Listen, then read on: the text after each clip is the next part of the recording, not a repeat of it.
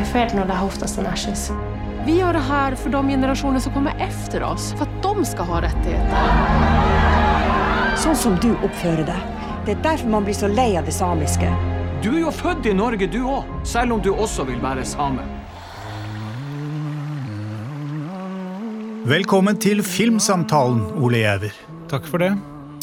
Ja, Ellos Eatno, eller La elva leve, er en fiksjonsfilm basert på Alta-aksjonen og kampen for samiske rettigheter på slutten av 1970-tallet. Jeg var vel om lag ti år da aksjonen inntraff, og jeg husker innslagene på Dagsrevyen veldig godt, og ikke minst det engasjementet det utløste. Hva med deg, altså du var vel knapt født, eller du var et par år gammel, tenker jeg? Ja, jeg er født i 1977, så jeg var eh, to år gammel når eh, de første demonstrasjonene mot eh, utbygginga, i alle fall de demonstrasjonene som var i Stilla, den aller første demonstrasjonen var i 1970 i Masi. Eh, men ja, to år gammel var jeg, så jeg husker jo ikke så mye fra det. Eller husker vel egentlig strengt tatt ingenting fra selve aksjonene. Men eh, faren min var med i Folkeaksjonen, jeg satt i styret der, så eh, jeg vokste likevel opp med mange av de bildene og historien og klistremerker sånn som lå strødd utover gulvet. Og, ja. Så det har på en måte ligget i, i, i familien eh, der som en slags en del av familiekrøniken? Ja, jeg vil påstå det. Jeg har alltid i hvert fall vært veldig klar over at pappaen din var med på det, og vært veldig stolt av det.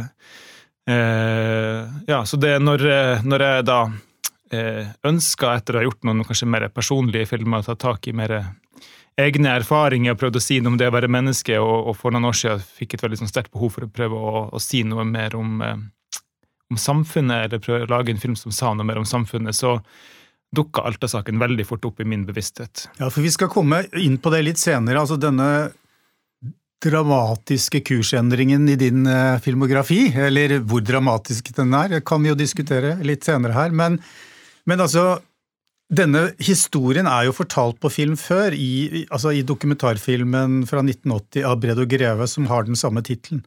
Uh, um, men dette er jo da fiksjon, uh, og for, har du forholdt deg til den dokumentaren på noen som helst måte? Det har jeg absolutt. Den har, eh, den har den samme norske tittelen, bare med et utropstegn bak. Vi har jo også lagt ja, til en samisk originaltittel på, mm. på, filmen. Men eh, ja, det gjorde jeg. Det var kanskje noe av det første jeg gjorde, var å se den filmen. Og uh, det var jo både en, et blikk inn i hvordan leirlivet der var spesielt, og også uh, er det veldig mange fine opptak fra sultestreiken foran Stortinget. Det er jo Morten Skallerud som har gjort uh, foto til det, og han delte velvillig materialet sitt med oss, også råopptak fra filmen. Og det ble uh, det var selvfølgelig både fint som en sånn referanse fra tidsånden og, og et blikk inn i, i uh, leirlivet der, men også, vil jeg påstå, var med også på en eller annen måte utforme eller påvirke mitt og Marius sitt arbeid med det visuelle konseptet.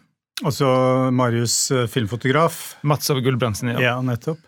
Eh, altså, miljøkampen og eh, samenes kamp var jo på en måte to sider av samme sak eh, lenge. Eh, og her så forsvinner miljøkampen litt i bakgrunnen, eh, og det blir samenes og hovedpersonen Esters eh, reise og, og altså selvidentifikasjon med kampen som, som tar, tar, overhånd. Kan du si litt om akkurat det? Var det noe som uh, var helt klart fra starten, eller, uh, eller, eller, ble det sånn under research og manusskriving? Ja, så jeg tror Når jeg først fikk denne ideen om at jeg skulle gjøre noe på Alta-saken, så var det utgangspunktet den, den kollektive mobiliseringa og solidaritetstanken som, som rådde veldig på den tida, og spesielt her i Norge kom til uttrykk gjennom Alta-aksjonen, som også har blitt omtalt som vårt Vietnam det var liksom den som tiltrakk seg um, politiske diskusjoner og, eh, og liksom uh, ja, folk som var engasjerte da politisk, dro opp dit. Uh, og det tenkte jeg var noe som var, uh, kunne være inspirerende for vår generasjon, eller oss i dag, fordi jeg opplever at veldig mye av vårt engasjement er veldig sånn individbasert, mens her var det folk som på en måte ofra veldig mye av sitt eget mm. liv og studier og jobb for, å, for en høyere sak.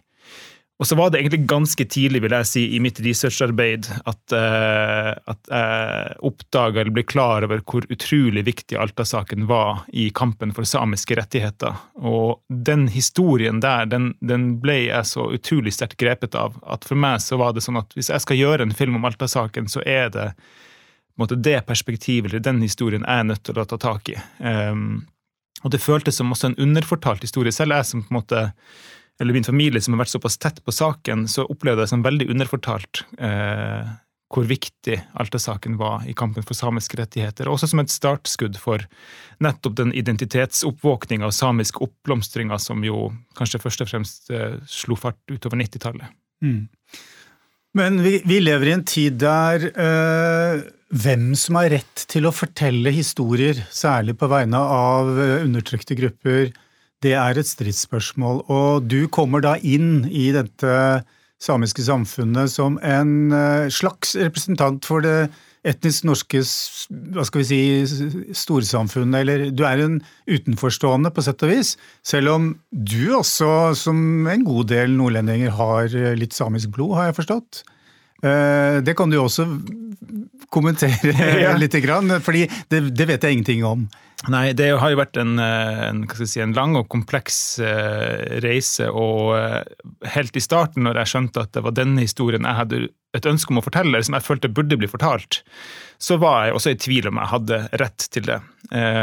Og så igangsatte jo på en måte det egentlig min motivasjon til å finne ut om mine samiske røtter. Fordi jeg har en far som kommer fra Kjøllefjord i Finnmark, og spesielt langs kysten så var jo fornorskningspolitikken veldig hard og brutal, og, og det er mange der som har samiske røtter. Så eh, det skulle ikke så veldig mye slektsforskning til før jeg fant ut av det. Og egentlig så har jeg vel kanskje visst det, fordi at onkelen min har allerede tatt det valget om å, å ta tilbake det samiske og meldt seg inn i samemanntallet. Okay. Så jeg tror nok at jeg først var sånn forberedt på om sånn, hva skal jeg si, at jeg tenkte at jeg måtte inn i en samtale både med meg sjøl og de rundt meg, og ikke minst de samene jeg kjente, om det var mulig for meg å fortelle denne historien. Men etter hvert som jeg begynte min personlige prosess inn i det, så, eh, så følte jeg at eh, følte jeg meg trygg på at det ville jeg kunne gjøre på en riktig måte, og også fordi um, ja, jeg var veldig bevisst på det at jeg måtte gå inn i dette med ydmykhet, nysgjerrighet, respekt, og knytte til meg andre samiske filmarbeidere og ekspertise uh, der min kunnskap og erfaring ikke strakk til. Så det har jo vært atskillig med, med, fallhøyde her uh, involvert når man går inn i et sånt prosjekt. Uh, altså, hvordan, hvordan, ble du møtt? Nei, jeg føler at det har blitt ja, kanskje i noen tilfeller med skepsis, men det her er noen år siden, altså når, mm. når, jeg var helt i startfasen av dette arbeidet. Og det tenker jeg var en veldig sunn skepsis, fordi at det finnes eh, utallige historier på nordmenn som kommer opp og skal måtte utnytte samiske kultur og historie, og ja, egentlig det som handler om kulturell appropriasjon. Eh, ja. Eh, og det var jo ikke jeg interessert i å inngå i som en del av den historien. Eh, så det er først kanskje sånn i, i ettertid, når jeg kom liksom litt inn i denne prosessen, at jeg, at jeg kjente at jeg hadde liksom legitimitet, og at jeg også eh, møtte de samene jeg møtte som hadde eh, et forhold til, eller et personlig forhold til både saken og eh, ja, også tematikken, eh, var glad for det perspektivet jeg valgte, og jeg var jo også hele tida åpen om min egen prosess rundt det. på en måte, det min, min, prosess med å prøve å ta tilbake det samiske, lære meg språket, og ikke minst det prøve å, å forstå verden fra et samisk perspektiv, som jo jeg føler har vært en veldig berikende og litt smertefull prosess, men som har har endra eh, også noe i meg, da. Så her har du rett og slett uh, måttet gå inn i noe med, med, kropp og sjel i langt større grad enn kanskje noe annet filmprosjekt du har gjort før? Ja, det ble jo liksom paradokset. Jeg skulle ja. på en måte prøve å komme litt bort fra meg sjøl. Ja, ja. Ved å lage en film som handler om, om samfunnet, eller ja, eh, forhold i samfunnet, og så ble det så personlig. Det er jo på en måte en dualitet i det, eh, og, og kanskje er det litt sånn det må være, iallfall for min del, da, at jeg ikke kan gå inn i noe hvis det ikke også betyr noe veldig eh, personlig for meg. Eh, og så er det jo en balansegang at dette skal jo ikke handle om meg, og jeg er jo ikke viktig egentlig i den uh, filmen. Det, den filmen skal få lov til å stå på sine egne bein, og det har vært veldig, eh, veldig letta og glad over å se hvordan den har blitt mottatt, ikke minst i det samiske samfunnet. At, eh, at de som jeg møter, føler at denne filmen forteller deres historie. Vi var inne på dette med altså denne ku, endring av kursen i din filmografi. Altså, du er jo kanskje mest kjent for filmen Mot naturen, som var jo en svart komedie om mannlig midtlivskrise og narsissisme. eh, og, og, da er jo dette en ganske dramatisk kursendring. Eller, eller er det ikke det? Altså, Hvordan ser du på de to? Altså, fordi du nevnte her i sted at liksom, du var litt lei av Altså, du ville, du ville, på en måte åpne deg opp overfor samfunnet. Var det litt sånn at du, du tenkte at jeg skal i hvert fall ikke lage enda en film om en narsissistisk 40-åring? ja, det er veldig morsomt å høre sånne beskrivelser utenifra. Jeg får, jeg jeg får ta det. Uh, ja, nei Sjøl som filmskaper, så jeg vet ikke om Det kan hende at andre gjør det, at man liksom prøver å se sine egne verk inn i en større sammenheng. Uh, jeg gjør egentlig veldig sjelden det. Det er bare når man måte, blir konfrontert eh, med det fra et utenifra-blikk, at, at, at andre ser sammenhenger i det de gjør. Eh, men, nå, nå, viste jeg bare til en karakter du spilte. Du jo, hadde jo hovedrollen i Mot naturen. Ja. Eh, og det var jo absolutt en, en mørk uh, komedie, på sett og vis. Definitivt, og han ja. var jo veldig selvopptatt, så ja. jeg skal ikke okay. prøve å bortforklare så det. Så det er ikke tolket til riv ruskende Nei, nei, nei. nei, nei overhodet ikke. Det er bare morsomt å få de der merkelappene på det. Uh, ja, nei uh, Nei, utgangspunktet så har jeg nok følt at dette her er noe helt annet. Eh, det handler både om eh, størrelsen på prosjektet, altså som går på budsjett, og hvor mange karakterer som er med, og antall opptaksdager, og det ansvaret som følger med det, ikke minst i forhold til å skulle ta tak i noe som er en del av vår felles historie. Så det har vært veldig nye erfaringer og lærerikt. Eh, noe har gitt mersmak i forhold til at det er morsomt å lage en film som veldig mange har nysgjerrighet i forhold til, og som det har vært store forventninger til det er jo veldig morsomt å, å ja, merke den oppmerksomheten som kommer rundt den eh, når filmen skal lanseres. Og så er det andre ting som har vært veldig krevende i forhold til at eh, med et høyt budsjett så, så merker man også Eller med, med stort, store ambisjoner så kommer jo også eh, begrensningen veldig fort. Eh, så det er nesten sånn, og det er det jeg har hørt om fra andre som har gjort eh, sånne større filmer før meg, at, at jo større budsjett du har, jo mer merker du begrensningen i det. Fordi at det er en grunn til at jeg har et budsjett, for du skal gjerne få til store scener, du har mange opptaksdager, og så måtte vi jo her gå på kompromiss med en del av det, og det er jo kjempeutfordrende for en regissør som har ambisjoner for det man har lyst til å få til. Um, Men kan du si litt mer om det? Ja, nei, altså eh, Nå har jo vi valgt, og det tror jeg på en måte var redninga for denne filmen, som gjør at jeg føler at den, eh, den har en, en helhetlig eh, ramme rundt seg, da, og det er jo at vi går så tett på hovedkarakteren.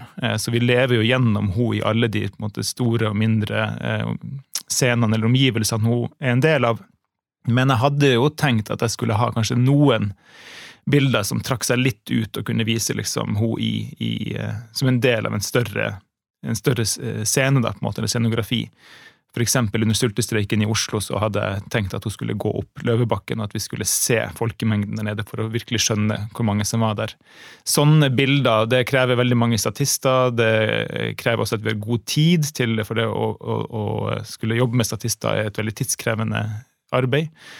Eh, og da, ja, da forsvinner jo på en måte det bildet bort. Og så må vi finne andre kreative løsninger som gjør at vi kan likevel på en måte få det inntrykket, eller at vi fokuserer på andre deler. og Det kan jo også være med å styrke på en måte den eh, helhetlige visjonen om å være tett på hovedkarakteren. Men det er sånne type mm. begrensninger man merker da. Eh, og at jeg i noen scener kanskje føler at her skulle vi ha hatt litt mer statister for å liksom få litt enda mer sånn følelse av, av intensitet og hvor hvor mange som egentlig var der.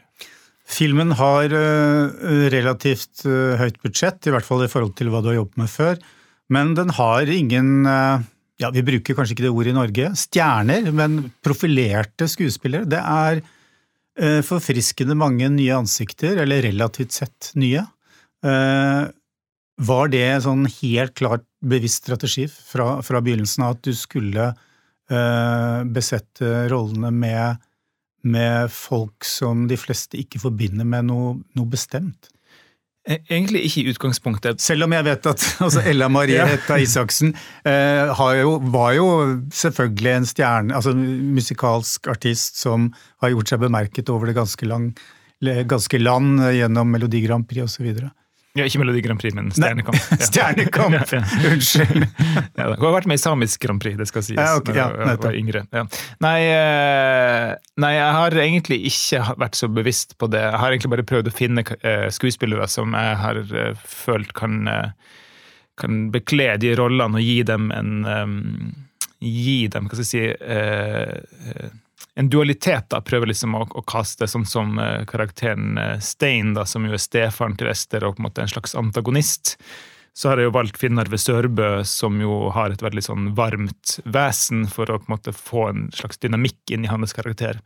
Så det er mer sånne type valg. Eh, så har det vært, eh, Jeg har jo Ingar Helge Gimle med, eksempel, som ja, spiller statsminister. Og, og... I en veldig kort scene. kort scene, ja. 10-15 sekunder. Ja da, det var egentlig en lengre scene, men det, ja. det, hadde ingenting å si på spillet. Det var bare at uh, vi, var, vi var ferdig med det vi skulle fortelle, og så gikk vi tidligere ut av den scenen enn det vi hadde spilt inn. da. Men Nei, men det som selvfølgelig skjer når man skal kaste en, en film med primært eh, samiske og nordnorske skuespillere, så, eh, så, er jo ikke det de mest frekventerte skuespillerne i norske filmer. Så det blir bare egentlig mer sånn automatisk sånn at eh, for mange så blir det mange nye fjes.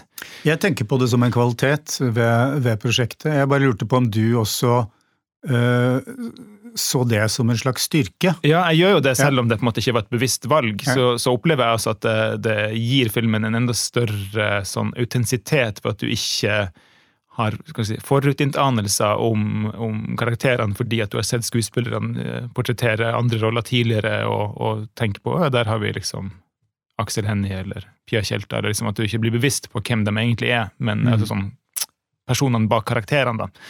Så det gir jo tror jeg, mer sånn eh, troverdig og ja, større form for autentisitet. da. Eh, men aller viktigst er det jo at det er folk som kan spille, for hvis det er dårlige skuespillere, så mister de i alle fall troverdigheten. ja. Altså, eh, Hetta Isaksen eh, har jo tidligere ikke på en måte akslet en hovedrolle på den måten før i det hele tatt. Eh, og kameraet er på henne stort sett hele tiden. Det er, må ha vært krevende. og nervepirrende. Altså hvordan, hvordan har dere på en måte gått fram for å finne en slags uh, fortrolighet og en sånn komfortabel setting hvor hun, hun kunne på en måte uh, slappe av og samtidig yte sitt beste? Ja, eh, nei, jeg hadde jo veldig sånn fornemmelse av når jeg så henne eh, på, på, TV, da må jeg innrømme var mitt første, eh, første møte med henne, så hadde jeg en veldig sterk fornemmelse av at hun kunne spille og at hun hadde i seg det som skulle til for å kunne gå inn i en sånn karakter. Hun hadde en veldig styrke i sin personlighet, samtidig som jeg så at hun også hadde rik tilgang på følelsene sine og ikke var redd for å være sårbar. Eh, som jo er veldig eh, gunstig for en regissør som ønsker å, å, å, ha en karakter som også skal, skal holde igjen, og, og, eh, men også gi, gi, slipp på følelsene sine. Mm. Og så eh, Når vi kom i kontakt med hverandre, og når hun eh, liksom sa ja til å være med, eh, så selv om hun også trodde at hun skulle få det til, så hadde vi ganske tidlig en, en, bare en vanlig prøve med en annen skuespiller, bare for at vi begge to skulle være trygge på at dette her kom til å bli bra. Så da gjennomførte vi en skuespillerprøve med noen scener fra filmen og litt improvisasjon og sånt, og så ble vi begge to veldig letta over at det her skjønte vi at det kom til å bli bra. Og så var vi veldig heldige. Hun kom jo veldig tidlig inn i prosjektet, egentlig før jeg hadde eh, begynt på manuset. Mm. Så hun, eh, og det er jo veldig unikt for en skuespiller å være med så lenge. Eh, og det er sikkert mange skuespillere som vil være misunnelige på det, at man får lov til å være med på en sånn prosess i så lang tid. Hun, Ella var jo også med på alle castingrunder så hun har jo fått veldig mange anledninger til å bli kjent med karakteren sin gjennom alt hun har gjort av motspill til andre som kommer inn på audition. Eh, og så fikk vi et koronaår også, hvor vi ja, ja. fikk tid til å bli ekstra godt kjent. Hun, hun har jo bakgrunn også fra aktivisme selv. Mm. Eh, altså, jeg tenker altså nå, nå, har hun vokst opp som same i en annen tid, men likevel, altså Hun har vel kanskje brakt med seg Altså i forhold til historien som fortelles, rollen, altså hva, hva hun selv føler eh, i forhold til hva som er mulig for en sånn rollefigur. Ja, Det er uten tvil at hun har eh, mange erfaringer i eget liv som tangerer eh, hovedkarakterens eh, reise. Eh, mm. Samtidig så har jo hun, som hun så ofte proklamerer, vokst opp eh, som stolt same og alltid vært veldig stolt av den hun er og hvor hun kommer fra.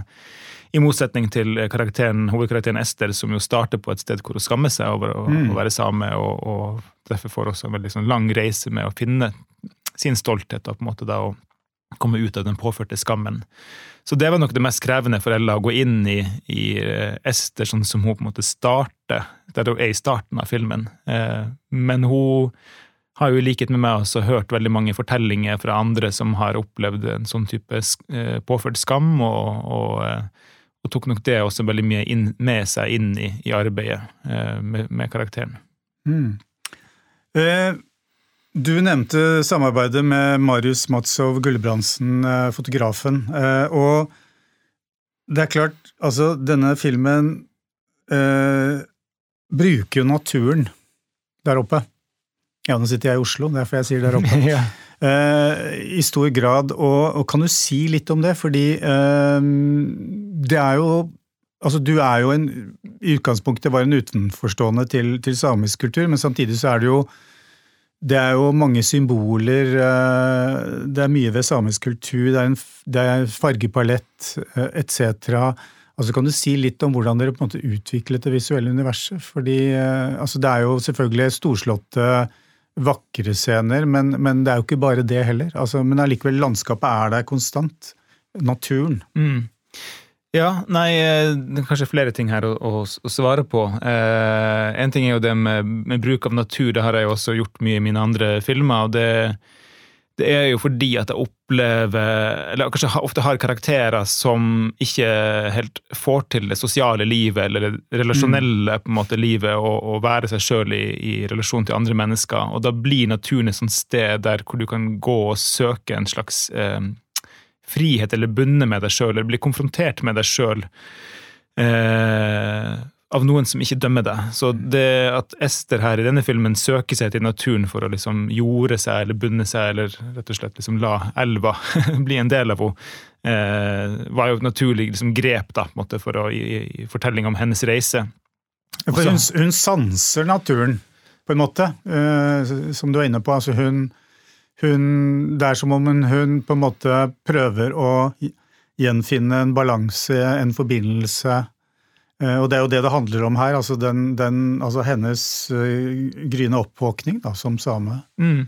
Jeg tror liksom det, det, er et slags nullpunkt for, for henne. Eh, å, mm. å, å, gå ut i naturen og, eh, og kjenne på liksom hvordan hvem hun er da, på en måte, når ingen er der til å, til å dømme henne eller fortelle henne hvem hun egentlig er. Og så starte på en måte derfra, da, og så finne sin vei videre. og det er jo en en, et vendepunkt uh, i filmen der hvor hun går til elva og stiller seg ut i elva for å nettopp prøve liksom å, å, å kjenne på, på, hvem hun er, da, på en måte, og hvor hun ønsker å gå videre. Og så har jo jeg og Marius også jobba mye med Jeg har jo sjøl opplevd at uh, ofte når jeg ser historiske filmer, særlig krigsfilmer, sånn, så føles det ofte som om uh, historien fortelles fra et slags som, gjennom et sånt nåtidsprisme. At man ser tilbake på noe som har skjedd. Uh, gjennom virkemidler og grep som vi tilhører vår moderne måte, måte å lage film på. Vi bruker f.eks. droner eller veldig mye eh, altså Dolly hadde man selvfølgelig på den tida, men, mm. men, men med gode steadycam-løsninger og sånt. da. Så det ønsker vi å unngå. Det føler jeg også kler veldig både kulturen og tematikken, at vi er veldig jorda og tilstedeværende der vi er, eh, med karakterene og i de settingene vi er i. Så det var et veldig sånn ønske fra oss om at filmen skulle oppleves som om den på en måte fortelles fra 1979. da. Ja, nettopp. Um, ja. For, for, det finnes jo ikke noe opptak på NRK nå for tiden fra Finnmark som ikke bruker droner. Nei, ikke altså For å vise det liksom storslåtte landskapet. Ja. Uh, så det Nei, nettopp. Det, det er veldig interessant. Ja, jeg tror man ofte fort kunne falt for fristelsen her til å ha sånne eh, dronebilder gjennom eh, Canyon i Alta og sånt for å liksom virkelig dra nytte av. Men, men, det føltes ikke liksom riktig fra der filmen kommer fra. Uh, I alle fall ikke når den skal ha et sånt samisk fortellerståsted. At man skal liksom ta i bruk sånne type virkemidler. Den skal være jorda og nær, på en måte, det var sånne stikkord vi hadde i arbeidet med det. Og det gjelder egentlig i alle kreative konstellasjoner jeg har vært. Det var sånn av det første som komponist Olaf Løttum sa når han så eh, en klipp av filmen, og når jeg spurte om han ville være med å lage musikken, at eh, han umiddelbart opplevde at musikken også måtte være, komme fra jorda, sa han. Musikken må komme fra jorda. Mm. Men, men, i forhold til altså, fargepalett og så videre, altså Kan du si noe om det? Ja, Der er det også verdt at vi har brukt referanser fra filmer fra den tida. Fra ja. den tida og så har jo også selvfølgelig det veldig mye sterke farger i den samiske eh, doji-kulturen, eh, med kofter og eh, ja, alt av kles... Klesplagg og sånt. Og der har vi jo hatt samiske altså doji-kunstnere og, og, kostymører inne for å ivareta autentisiteten i det. Det gjort et veldig grundig arbeid også i forhold til som jo ikke liksom en, en gjengs nordmann vil kunne liksom se eller legge merke til i forhold til at koftene er stedsriktige i forhold til hvor mm. karakterene kommer fra, at de snakker riktig dialekt. Så det, ja, det er gjort et, et veldig grundig arbeid av mange samiske filmarbeidere som har vært med på, på, eh, på denne filmen. Ja. Mm. Eh, det er jo mange filmarbeidere som jobbet på denne filmen som eh, knapt nok var født eh, da aksjonen fant sted. og som har dratt oppover og, og, jobbet der oppe under innspillingen og, og egentlig fikk en aha-opplevelse. Også fordi de ikke kjente altså, aksjonen godt nok, men også, også fordi de eh, Det er på en måte det er, det, er, fortsatt understrømninger av konflikter der, oppe, som fortsatt pågår. Altså det er, det er litt tens, og jeg forsto det sånn at det var også aktører som ikke ville samarbeide med dere, fordi empatien ligger i filmen, altså hos, hos altså, den samiske altså, rettighets... Altså selvstendighetskampen, da. Ja, det jeg kan si om det, er jo at uh, si, Både Alta-saken, men også uh, det som handler altså Filmen tar jo veldig tak i denne fornorskningspolitikken. Det er på en mm. måte veldig mye bakteppet til hovedkarakteren, og den forteller noe om, uh, om hva Alta-saken betydde i forhold til bevisstgjøringa og vendepunktet da, for samiske rettigheter, som, som Alta-saken ofte refereres til. Og disse eh, bevegelsene og konfliktene de lever i aller høyeste grad fremdeles. Altså at det er, flere som oppdager at man har samiske røtter og ønsker å ta tilbake det samiske, og spesielt i Alta, som jo på en måte er en veldig sånn ja, Jeg vil omtale det som en, en fornorska bygd på en måte midt i Sápmi. Så er det jo ingen tvil om at veldig mange der har samiske røtter, men der er det, opplever jeg det som et litt sånn eh, da, med det. Eh, og så er det jo også det at eh, veldig mange, jeg snakka med veldig mange i forhold til Alta-saken, både fra folkeaksjonssida og fra samisk eh, side, og, eh, og, eh, og, alle har et veldig sånn et eget narrativ, opplever jeg da, om hva Alta-saken egentlig handler om. Um, og Derfor er det nok også det at når det først da kommer en, en sånn storfilm, som jeg har sett at det blir omtalt som, mm, yeah. om Alta-aksjonen, eller som tar, tar, utgangspunkt i Alta-aksjonen, så er det veldig mange meninger tror jeg nok om hva den filmen burde ha eh, handla om. Og, og, det merker man også når man er Altså Vi merka det når vi var i Alta, at når det ble kjent for folk Vi, kan, vi kunne f.eks. ha en avtale om å skulle sjekke ut en lokasjon eh, for mulig opptak, og så får vi en tekstmelding om at eh, nå har jeg hørt hva denne filmen skal handle om, da er jeg ikke interessert likevel. Akkurat. Så det, det, sånn var det, ikke så mange, men det var noen sånne tilfeller. Stort sett så har eh, lokalsamfunnet i Alta vært veldig behjelpelige med oss, så, men det finnes noen sånne opplevelser likevel. Ja, altså Denne filmen vil jo utvilsomt få betydning for hvordan nye generasjoner vil vurdere samenes kamp for selvstendighet. Og i juni så kommer jo denne etterlengtede Sannhets- og forsoningskommisjonen med sin rapport på oppdrag av Stortinget. Og altså, Kommisjonen har da gransket urett begått overfor samer, kvener og norskfinner. Eh, har du på noen måte forholdt deg til det arbeidet mens du har holdt på med det her? Er, har det liksom vært eh, Ja, altså jeg vil jo si at jeg, jeg tror at de har eh, gjort selvfølgelig et mye mer utførlig og grundig arbeid enn meg, men, men eh, gått inn i det litt på samme måte som jeg har lytta til mange historier. Mm. Eh, og jeg har også lytta litt til en podkast som også omhandler det arbeidet Sannhetskommisjonen gjør. Så er det ikke liksom direkte, Jeg har ikke noe tilgang på det materialet de sitter på, men jeg har vært kjent med det, og, og føler også at jeg har vært inne i de samme hva skal jeg si, Lytta til mye av de samme type historiene og menneskene som har fortalt. Eh, så jeg har nok mer forholdt meg til at de har hele tida utsatt sin eh, lanseringsdato for når den rapporten skal komme ut.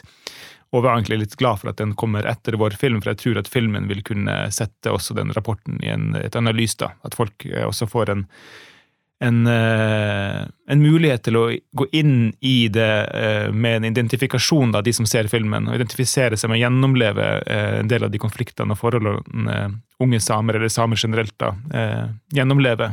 Og da vil rapporten også kunne få et helt annet avtrykk, tror jeg, da, i majoritetsbefolkninga. Mm.